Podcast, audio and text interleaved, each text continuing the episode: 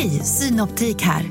Visste du att solens UV-strålar kan vara skadliga och åldra dina ögon i förtid? Kom in till oss så hjälper vi dig att hitta rätt solglasögon som skyddar dina ögon. Välkommen till Synoptik. CSRD, ännu en förkortning som väcker känslor hos företagare.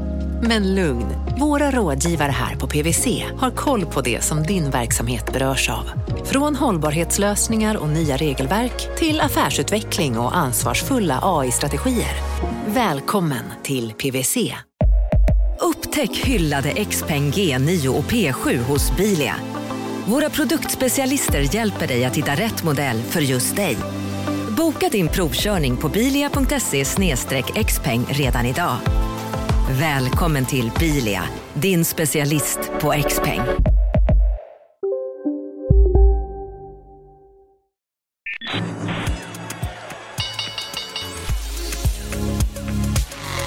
Det här är Affärsvärlden med Helene Rådstein.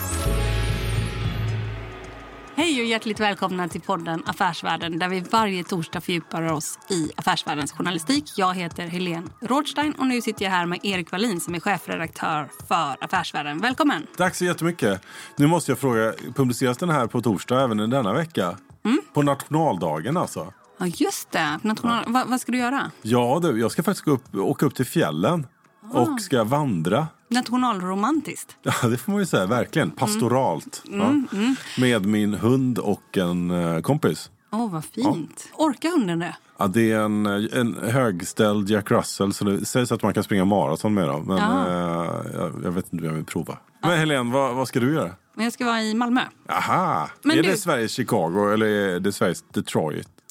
Vilken stad är lilla Paris? Det är väl Vänersborg va? och sen Stockholm är Nordens Venedig. Men vad är Malmö? Parkernas stad säger man ju. Parkernas stad. Men jag tänker det är lilla. Men hur som helst. Vi har en Jag tänkte vi ska prata lite kort bara. 23 år på raken. Vet du vad jag pratar om? Ja, ja, du pratar om hur många år i rad som Affärsvärlden har utsetts till årets affärsmagasin av börs och finansproffsen. Vad säger du om det? Vi är det 23 år. Ja, uppenbarligen. ja, men det är vi verkligen. Och det är en sån här undersökning som vi väldigt glada för. Därför att den träffar helt rätt i vår målgrupp. Men också en sån här som nästan, vi har ju fått den 23 år i rad. Och då blir det ju en slentriangrej att man, det känns som att det är en köpundersökning eller att eh, det finns ingen konkurrens och sådär. Folk börjar nästan lite tycka att ta den för givet. Och det ska vi verkligen inte göra för det är stenhård konkurrens i den kategorin. Vi har jättemånga jätteduktiga konkurrenter. Vi har ju Veckans Affärer, Privata Affärer, Börsveckan, SvD Börs Plus, eh, DI Weekend. Alltså supertunga konkurrenter och ändå så lyckas vi vinna den här gång på gång. Du var ju på den här prisutdelningen. Mm. Hur var den? Jo men den var jättekul. Det är också, får man också säga att det är väldigt mycket gamla affärsvärdare. Därför att det är årets eh, dagstidning eh, som är Dagens Industri. Eh, och sen så har du ju di.se vann årets sajt och du har lite olika såna kategorier. Och, men väldigt många av de, eh, eller de som, som, som belönas har jobbat tidigare på Affärsvärlden också. Så det blir lite som att träffa gamla vänner och bekanta. Och du har ju också jobbat eh, på andra ställen. Alltså många har ju jobbat på mm. andra ställen också. Precis, men mm. det jag försöker göra här är att för att Affärsvärlden är inte bara Sveriges bästa affärsmagasin. Vi är också nog lite de, de som de, kanske andra... uppfostrat stora ja. delar av ja. den svenska liksom, mm. eh, ekonomijournalistkåren. Mm. Nu skryter jag väldigt mycket, och det, men det är, det är inte jag som har gjort det utan det är mina företrädare. Så då tänker jag att det är okej okay att skryta. Mm. Nej, men också lite skämt åsido. Så jag, jag hörde på radioprogrammet Sveriges Radios Medierna. Lyssnade du på det? Mm. Ja, som är väldigt roligt och mm. väldigt bra tycker jag. Mm. Om priser? när de talade om det här med hur eh, vi i media, hur vi uppmärksammar när vi får priser. Mm. Då kände jag, det, det stack till lite. Mm. Alltså att, de, hur, att vi tenderar totalt övervärdera nyhetsmässigt när vi får ett pris eller nomineras till ett pris. Vi är med. De visar också på flera rundgångar när man själv hade varit med och instiftat ett pris. Var det inte SVT till exempel? Ja, SVT som gav pris till sig ja, själv. Och ja, ja, och så vann man. Det, är faktiskt, det var ett väldigt roligt avsnitt. Ja, det var ett väldigt roligt avsnitt. Ja. Och också så här, ja här är ett pris. Men det finns ju också väldigt många ofta underpriser i olika kategorier mm. så ingen ska gå prislös. Men riktigt så är det ju faktiskt inte i den här. Nej, så är det faktiskt inte riktigt. Och det finns dessutom ett pris till som utses den 19 som är ytterligare en eh, som eh, Financial Hearings ger ut. Och mm. där vi eh, i fjol så vann vi även den. Mm. Och jag håller tummarna att vi lyckas den här gången också. Därför att det blir också lite skönt att det inte bara är alltså att man får en dubbelbekräftelse på det. Och det är ju inte bara media som prisas den gången. Eh, eller hur? Nej, det är också eh, finans, Sveriges bästa finans, alltså analytikerhus och eh, eh, enskilda analytiker. Men där finns det väl också en tendens- alltså Sverige är ett ganska litet land. Det finns väl ganska många som återkommer som årets analytiker många år på raken. Jo, Eller? men så är det. Men å ena sidan så är det ju för att Sverige är ett litet land. Men inte heller, och det tycker jag bara är basen är att om någon vinner år ut och år in, då är det ju för att de om de inte är bäst så är de, hör de till de absolut bästa. Liksom. Alltså de är ju jätteduktiga de som ständigt vinner. Så det, det, det är också ett Dels ett tecken på att Sverige är ett ganska litet land men det är också ett tecken på att Sverige att det är väldigt, väldigt duktiga analytiker de här. Du, eh, vet vem som ska komma hit och prata nu då? Som kommer till studion. Har absolut ingen aning. Det är Frida Bratt. Vet du om det? Ja, det vet jag. Det är ju Nordnets sparekonom och eh, känd från tv och media. Mm, precis. ja. Hon pratar väldigt mycket om skillnaden mellan att sluta som journalist och börja på ett vanligt jobb. Vet du vad den stora skillnaden är? Nej, Många fler möten. Jaså? Jag sitter i ganska många möten. Så att, Då skulle du ha suttit i ännu fler, verkar det ja, som. ser man. Där ser man. Ja. Men eh, nu kommer intervjun här med Frida Bratt. Ja, vad kul. Marknaden sponsras av SPP, pensionsbolaget. Eh, Förra gången pratade vi lite om ITP. Och som en kort repetition så, så var det ju 70-tal. Arbetsmarknadens parter bestämde att alla tjänstemän ska ha en tjänstepension. Man kom överens om vilka villkor som ska gälla i den här pensionen och så kallade man den för ITP. Så jobbar man idag som tjänsteman i ett företag med kollektivavtal, då har man förmodligen den här pensionen, ITP-pensionen. Eh, och det är ju så att man kan påverka eh, den här pensionen, hur den är placerad. Vart femte år så gör nämligen Collectum, som de heter, en enorm upphandling där olika pensionsbolag kan ansöka om att få förvalta eh, de här pensionerna. Och SPP är ett av bolagen som valdes ut i den senaste upphandlingen. Och sen kan du som pensionssparare välja eh, vilket av de här olika pensionsbolagen som, som då ska få ta hand om dina pengar. Och tanken med den här upphandlingen det är ju att liksom kvalitetssäkra de här olika alternativen eh, men också att förhandla fram stora rabatter så att pensionsspararna ska få ja, kunna spara pengar genom att avgifterna eh, som är så viktiga eh, blir eh, lägre. Och vill man välja någonting i ITP-systemet då finns det en relativt ny sajt som heter avtalat.se. Ehm, där kan man gå in och se hur sin ITP-pension är placerad. Jag gjorde det häromdagen faktiskt. Ehm, idén är att hälften av pengarna alltid ligger i något som kallas för traditionell försäkring. Det här gjorde vi ett avsnitt om i podden Kapitalet nyligen eh, som vi kallade världens bästa sparform. kan man lyssna på om man är intresserad. Eh, den andra halvan eh, den kan man också lägga i en traditionell försäkring eller så kan man placera det i något som kallas för fondförsäkring. Eh, SPP som sagt eh, var ju ett av de fåtal bolagen som valdes ut i den senaste upphandlingen och de finns med som alternativ både med en traditionell försäkring och med eh, fonder. Så det var en liten bakgrund till ITP-systemet. Vill man läsa mer om det här eller typ kolla hur ITP-pensionen är placerad, eh, kanske göra förändringar, då går man in på avtalat.se. Eh, Men tack säger jag till SPP som vill göra oss människor mer medvetna om hur enormt viktig pensionen är för oss som en framtida lön, men också som en positiv kraft i samhället Eh, och förstås för att ni möjliggör eh, den här podden Marknaden. Du lyssnar på Affärsvärlden Magasin med Helene Rådstein. Välkommen hit. Tack så mycket. Hur är läget? Jo, men det är bra. Det är ju kortvecka. Fyra dagar ska jag ha ledigt här nu. Ja, jag tycker det är jobbigt med kortvecka. Jag tycker man hinner inte med allting som man Nej, men ska... vet du, det tyckte jag också när jag jobbade som journalist. Mm. Just eftersom man ska hinna med ungefär lika mycket saker fast på Ja, färre exa- dagar. Exakt lika många saker. Ja, precis. Ja. Men nu, har jag ju, nu är jag ju inte journalist längre så nu tycker jag att, att det är härligt. Du har ju sysslat med eh, frågor som rör privatekonomi och sparande kan man säga Mm. i olika former under tio års tid. Du eh, började på branschtidningen Fond... Fondbranschen hette den, precis som det låter. Liksom en, en tidning om fonder för branschen, de som sysslar med fonder. och sen vidare Placera Ja, och DN och eh, Svenska Dagbladet. ja. Och sen så var det ett år innan du blev sparekonom på Nordnet på Dina pengar på Expressen. ja.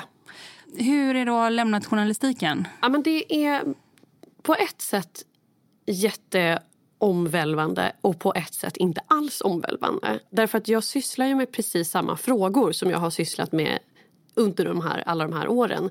Eh, det är ju de här ämnena som jag har skrivit om. Sparande, fonder, pensioner, bolån, börs. Det är ju precis det som jag håller på med. Det är precis de frågorna som jag alltid har skrivit om och varit engagerad i. Och, och på både Svenskan och Expressen och Placera så, så hade jag lite grann en expertroll.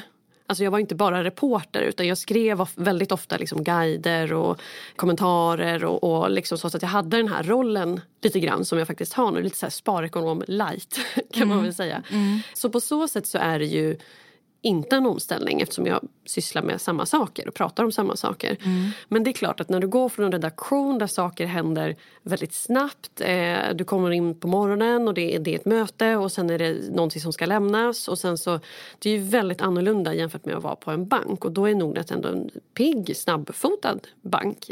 Mm. Jag är ju helt fascinerad av alla möten som man kan hålla ja, och ha i. Ja. Jag är ju inte alls van vid det. Men jag misstänker att det är så på riktiga företag.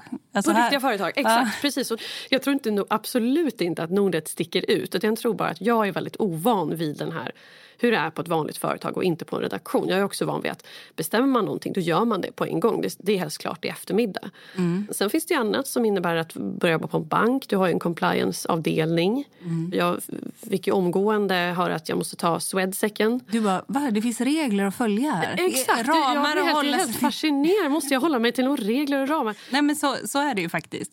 Du, eh, bara nu här i morse så eh, berättar vår webbreporter Elin Hansbergs. Ja, Frida Bratt hon har redan uppvaktat mig med... Eh, jag körde ut en statistik från Avanza om fondsparande. Och tick, tick, tick. Ja. Några minuter senare så var du på och så sa du hepp, hepp. Vi har också statistik här från ja. Nordnet. Och då kände jag aha, du har ganska bra så här, omvärldsbevakning och kör ut lite, pytsar ja, ut. För bra kanske. Ja. Alltså, jag har ju väldigt bra koll. Och jag har särskilt bra koll vad det skrivs om Avanza. För det är ju trots allt Nordnets stora konkurrent. Ja. Och det är ju så att den här statistiken som du, det är alltså fondsparandet bland respektive banks kunder under mm. månaden då mm. som vi skickar ut samma morgon. Mm. Och det är klart att ser jag att det plockas upp någonstans då vill jag ju Hepp, Hallå hepp. där! Ja, ja. Vi har också den här äh, statistiken. För Det är ett ganska viktigt uppdrag va, för dig att ni ska synas, banken. Du är liksom deras främsta PR-person. Ja, men det blir ju så. Det är inte jättemånga spelare, särskilt inte många banker som kan göra på det sättet. Att man inte lägger så mycket pengar på ren reklam. Utan man har så pass högt förtroende alltså bland journalister och övrig finansbransch och bland kunder att man kan ha en person som är ansiktet utåt som pratar för spararna. Men det är precis så som både Nordnet och Avanza ju, som är den andra spelaren tycker jag då, som kan göra på det här sättet. Jag pratar ju aldrig om Nordnet eller Nordnets produkter eller hur försäljningen går eller något sånt där. Det har inte jag någon insikt i heller. Men bara det att jag är ute och, och försöker inspirera och guida och prata om olika trender och vad saker om, i omvärlden får för betydelse för spararna. Det är klart att då syns Nordnet och det är klart att det är bra för Nordnet. Hur vet du som sparekonom om du gör ett bra jobb? Jag, jag eh, utvärderas ju på... Vi har ju mätverktyg då som, som eh, visar hur eh, ofta man förekommer i media. Men det där är ju bara en av alla pusselbitar. Alltså om jag skulle, jag skulle såklart kunna säga jättetokiga saker och få jättemycket media på det. Alltså vi har ju så här börs som har skickat ut så Facebook-inlägg som har fått extremt ja, mycket media. Exakt, exakt. och sen har det inte gått så bra för den vdn heller. Nej, exakt. Nej. Eh, men mycket media då? Mycket alltså, det är ju ett av mätverktygen för det är ja. svårt. Att, jag, jag skulle önska att det fanns det vore ju fint om det där liksom verktyget kunde finslipas lite. Men, men som en klassisk PR-byrå, man mäts enligt liksom nästan så spaltmeter. Ungefär. Ja men nästan så. Mm. Det är mm. ett av verktygen mm. som sagt. Och det har ju sina fördelar men också att det, man får ju inte riktigt med de här nyanserna. Så där får jag väl ha någon känsla själv. Jag får mejl. Jag får många kommentarer som är uppskattande. Mm. Jag försöker liksom eh, få in det, alltså för mig själv då, tänka att eh, ja, men jag fick verkligen ett mejl från en läsare av någon tidning som tyckte att jag, jag hade hjälpt henne. Alltså det, sånt betyder ju jättemycket också. Mm. Så att man får väl ta olika pusselbitar helt enkelt.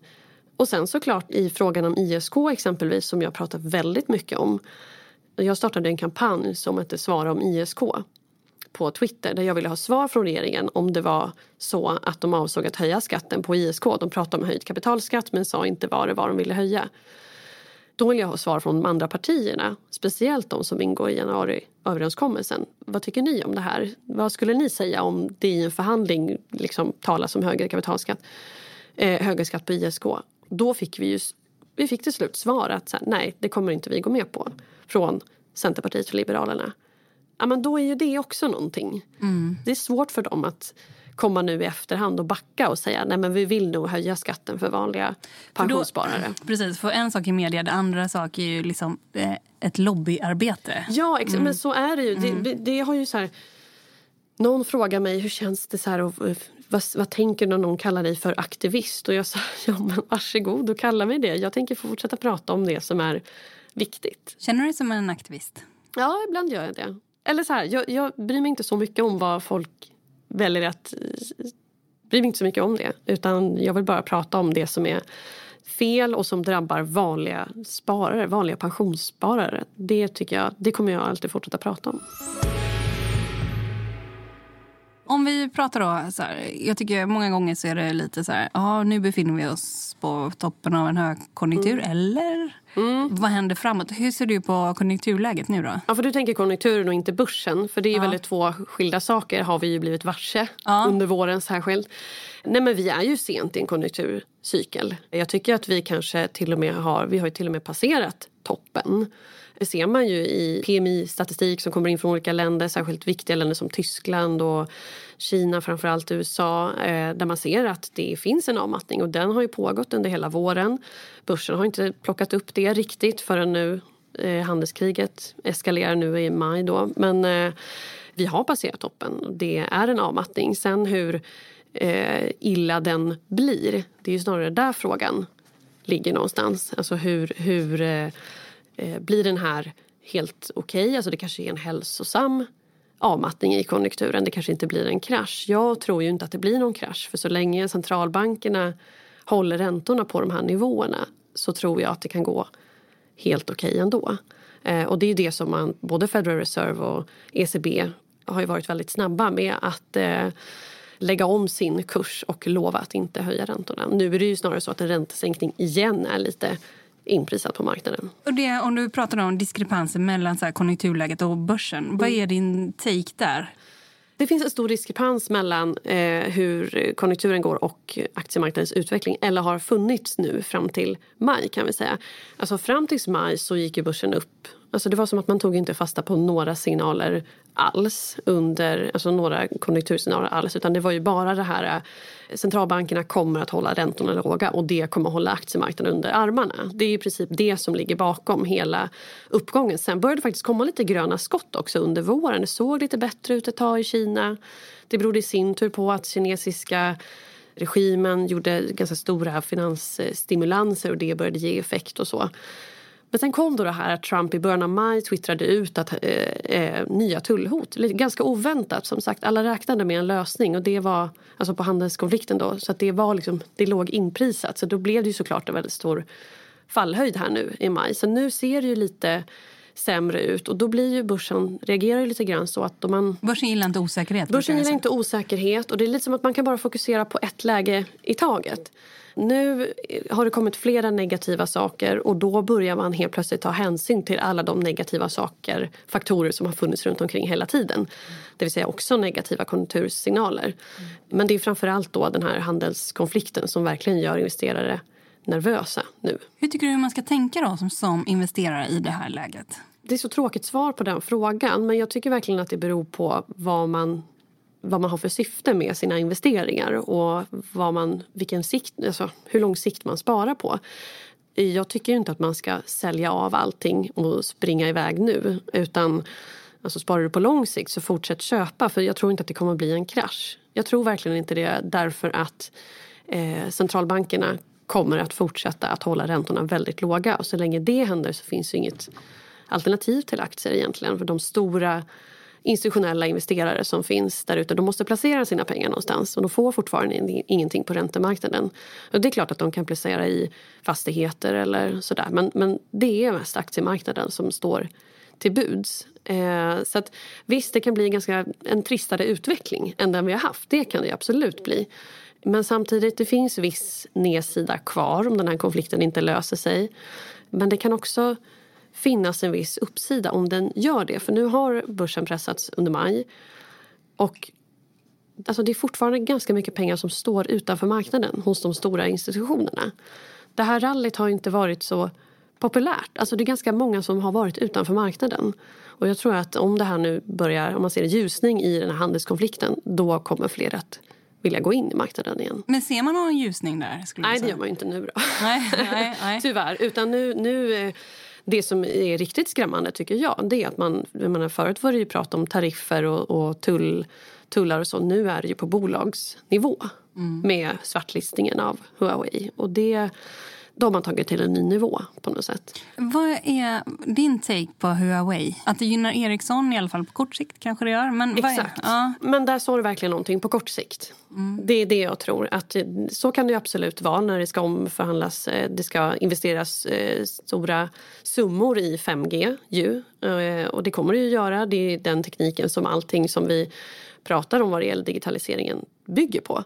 Och det är klart att om Huawei, man liksom portar dem och i princip förbjuder deras verksamhet i andra länder förutom Kina så, så kommer det gynna Ericsson på kort sikt. Men samtidigt, för det första så kan jag inte någonstans tro att en handelskonflikt som eskalerar och når dessutom på bolagsnivå att det på lång sikt är positivt för någon.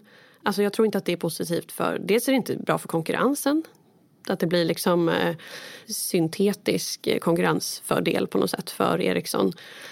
Sen tror jag att det finns en risk att det slår mot en, den globala tillväxten. Så stora är Huawei. Alltså Kina kommer ju vilja ge igen med någonting som känns ungefär lika mycket. Mm. Det, det, är ju väldigt komplext det här. Alltså ett bolag som Apple, ja, men de har ju komponenter i sina som de behöver importera för att kunna ens göra sina telefoner. Men någonstans så tänker man ju att Donald Trump förstås vet det. Att det här också slår lika mycket mot amerikanska bolag. Mm. Men i det här läget, det är ganska mycket osäkerhet och mm. sådär. Kan man, göra, kan man tänka på något annat sätt som investerare? Jag vet att du liksom pratade här tidigare om eh, megatrender. Mm. är det något sånt liksom man ska ja. haka, haka på eller ha med i sitt eh, tänk? Till exempel digitalisering eller klimatförändringar eller åldrande befolkning när man tänker mm. kring sina placeringar? Ja, men jag gillar ju absolut att tänka i megatrender. Särskilt som nu, som sagt, jag tror inte att det blir liksom någon, någon 2008 här, eller någon stor krasch i konjunkturen. Men en avmattning, det får vi nog räkna med och en lite tristare utveckling för kanske framförallt verkstadsbolag. Nu är de väldigt boostade av kronan, men hur som helst. Eh, jag gillar att eh, titta på bolag som kan haka i någon av de här trenderna. Alltså som kan dra nytta av de trender som vi vet kommer att fortsätta oavsett hur liksom, tjänste-PMI kommer in från Kina eller hur tyska inköpschefer, deras humör och sådär. Och då tycker jag just att åldrande befolkning är en sån tydlig megatrend som vi ser i nästan alla utvecklade ekonomier. Och det första man tänker på är kanske äldreomsorgsbolag. Det har vi ju några på den svenska börsen också. Men det kan också vara ja, framförallt läkemedelsbolag självklart. Eh, Astra och Novo Nordisk är ju exempel. Novo Nordisk är ju, ja, de har ju en väldigt bra position inom diabetes, typisk välfärdssjukdom också blir allt vanligare. Men det kan också vara medicinteknikbolag exempelvis. Men de kan vara lite svåra att värdera ibland? ja, men de kan vara lite svåra att värdera. Medicinteknikbolag absolut. För att, jag menar, det beror på vart de befinner sig. Men på sätt och vis kan ju det också ha karaktären av ett förhoppningsbolag. Ju. Men jag tänker att det kan ju vara ett bolag som Elekta som har sin Unity som de har utvecklat nu då, och som de har fått godkänt i USA. De kommer med rapport idag. är väldigt bra på den. Men eh, det kan ju också handla om att det är bolag som utvecklar scheman för, för eh, sjukhuspersonal. Eller, alltså det, det är ju väldigt brett begrepp det där. Men jag gillar att titta på bolag som tydligt kan haka i det här och kanske på så sätt parera lite sämre tider också. För där har vi en trend. Om vi tittar på digitalisering. Mm. Vad, hur tycker du man ska... Alltså, det, det är också ett väldigt vitt begrepp, men som ja, megatrend. Hur tycker du man ska tänka där? Nej, men jag tycker att till att börja med så får man tänka så här, vad, vad, menar man med digitalisering? Ja, men det är klart i sin allra enklaste form, om man tar ett väldigt enkelt exempel så är det kanske Storytel alltså som, som eh, eh, drar nytta av att vi hellre vill streama böcker än att läsa de faktiska böckerna. Men det kan ju också vara att hela industrin behöver ju ställa om digitalt och då kan det handla om bolag som hjälper folk att göra det här. Det vill säga, det kan vara IT-konsulter. Vi har en mängd sådana IT-konsulter på Stockholmsbörsen. Eh, det kan vara mätteknikbolag som Hexagon. De samlar in data eh, som de här bolagen behöver för att kunna digitalisera sin verksamhet.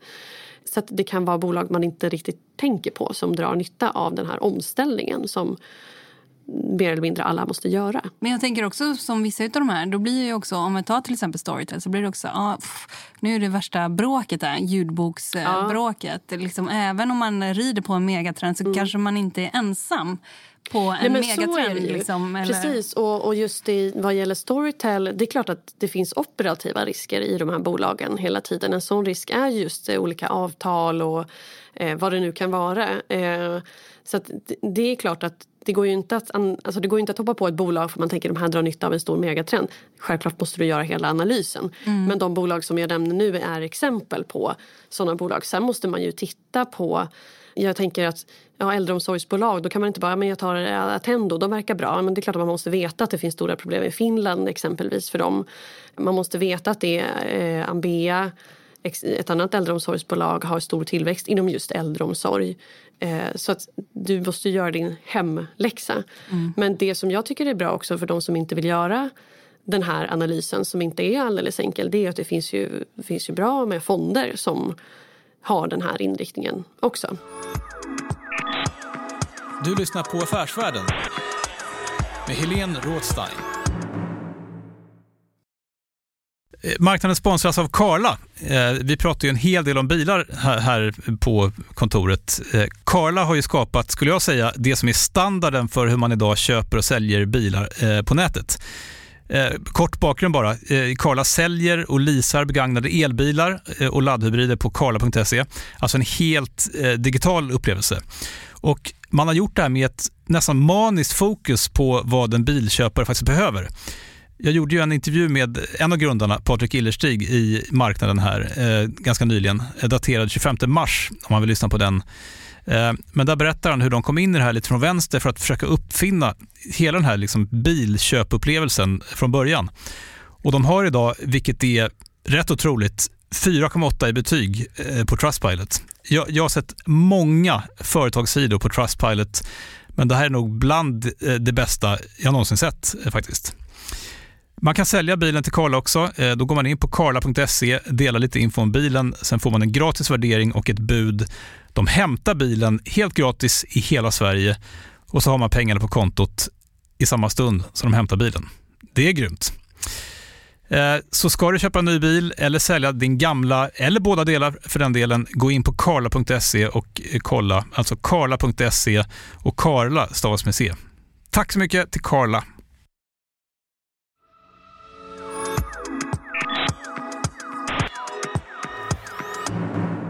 Varit ganska engagerad i flyttfrågan. Ja. Eh, ja berätta, förklara för lyssnarna vad det är ja, för eh, nej men den, det, är ju en ganska, det har varit en ganska seg fråga länge. Eh, det här med att det finns ett lite motsatsförhållande att jag och många kunder tycker att ja, men det är mitt kapital. Jag måste ju få flytta det så som jag vill. Och sen så finns det en bransch som tycker att det är inte så enkelt. Och sen så finns det en eh, lagstadgad flytträtt som, faktiskt, som vi faktiskt har som gäller försäkringar som är tecknade efter 1 juli 2007.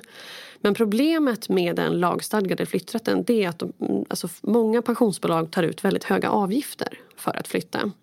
Så att i praktiken så har den här flytträtten liksom inte riktigt funkat. För ska du flytta ditt kapital då måste du ju ha en tro på att det lönar sig. Men med en, med en flyttavgift och sen utebliven avkastning då i den nya försäkringen så kanske det inte gör det och då blir det fast, kanske till dåliga villkor. Det här ville ju regeringen då råda lite bot på tidigare i vår. Så att man, eller egentligen 2017 så remitterade man ett, ett förslag som gick ut på remissrunda. Att man skulle begränsa den här avgiften som pensionsbolagen skulle få ta ut. Eh, och då föreslog man att pensionsbolaget ska max få ta ut en avgift som motsvarar anskaffningskostnaden. Och det hör ju, bara här är ju de flesta liksom Bara, bortspelade. Precis. Orkar inte lyssna. Orkar, vadå anskaffningsavgift? Det är jättesvårt för mig. Och, och liksom, det, det är, bara här är det ju väldigt mycket bransch bara. Så att man liksom bara dribblar bort alla sparare. Men det betyder då att när du köpte en försäkring så gjorde du det kanske av en förmedlare eller en rådgivare. Den förmedlaren eller rådgivaren fick provision från försäkringsbolaget för att försäkringsbolaget skulle få dig som kund. Det är ju en kostnad för pensionsbolaget som de tänker att men, ja, det kostar nu men det här får vi ändå igen för att den här kunden kommer fortsätta att betala avgifter år efter år. Men om du då vill flytta din försäkring då förstörs ju deras kalkyl. Och det är därför de tycker att de ska få ta ut en, en eh, avgift. Och i det här remissförslaget som gick ut på remiss då sa, föreslog regeringen då att eh, anskaffningskostnaden ska anses vara avbetalad efter fem år. Det vill säga efter fem år så ska du kunna flytta försäkringen utan att det kostar någonting. Men det följer inte i god jord då hos pensionsbolagen som sa nej men tio år tycker vi. Okej, säger regeringen då. Så då blev det tio år. Och det gjorde mig så upprörd då att när det här eh, lagrådsremissen då gick till lagrådet så fick eh, finansmarknadsminister Per Bolund möjligheten att prata i TT och säga nu sätter vi ner foten mot de höga avgifterna. Vem som helst som faktiskt orkade läsa lagrådsremissen såg ju hela det här förloppet som jag har beskrivit. Det fanns ett förslag. Tiden hade fördubblats. Tiden hade fördubblats. Det var väl inte att sätta ner foten. Men nu, nu, nu är det bara så här. Ja, nu är det ju på väg till riksdagen hur som helst. Eh, så att det kommer ju bli så att det kommer att röstas om det. Och det här har inte varit någon het fråga. Särskilt ingen het partipolitisk fråga. Jag tror att dels så tycker många att den är ganska seg. Dels är det många som inte har kunskapen och inte heller politiska incitament. Att säga att så här, stopp där, det här var ju inte alls något bra. Ni har ju bara helt gått på branschens linje. Det finns ju en ganska bred överenskommelse mellan myndigheter och eh, politiska partier vågar jag nog påstå kring skuldsättningen. Att den svenska skuldsättningen är alldeles för hög. Ja. Men jag tänker ibland bara, men varför driver man inte frågan om sparande? Det gör ju hela branschen. Ja, men driver den Ja, frågan. exakt. Men varför liksom är inte den mer politiskt viktig? Har du någon... Nej, ja, det har jag mycket åsikter Nej, men eh, precis som du säger så är det ju snarare Alltså man behöver strama åt skuldsättningen om man gjort det med amorteringskrav, bolånetak och så. Och det kanske har varit nödvändigt. Men varför inte kombinera det med en morot? Alltså det har ju varit bara piskor. Man kanske skulle prata mer om vikten av att också spara och göra det mer skattegynnat. Alltså det tycker jag egentligen är en självklarhet. Att man skulle kunna kombinera det på något sätt. Alltså från politiskt håll så ger man ju signalerna att det är helt okej med höga skulder eftersom vi fortfarande har ränteavdraget. Det är den signalen man får. Man pratar, det är ett problem. Eh, Finansinspektionen pratar jättemycket om det. Riksbanken pratar lite mindre om det, men de pratar fortfarande om det. Men från politiskt håll så är ju signalen att eh, det går jättebra att ta lån och du får 30% rabatt av oss också. Men, men vi straffar dig när du vill spara. för mig är det helt skeva signaler. Vi behöver För, spara för, mer. för det kan man ju bara säga om folk kanske inte tänker så mycket på skatt och avdrag och allt det där. Liksom att man styr beteende. Det är hög skatt på cigaretter Exakt. och hög skatt på alkohol. Ja. Och, och Visita till exempel, Svenskt Näringslivs gren som sysslar med hotell och restaurangnäringen. De har ju drivit det här med att arbetsgivaravgifterna för unga ska vara låga. till Mm. Ja, just det. exempel. Och det är ju inte en kontroversiell åsikt att säga så.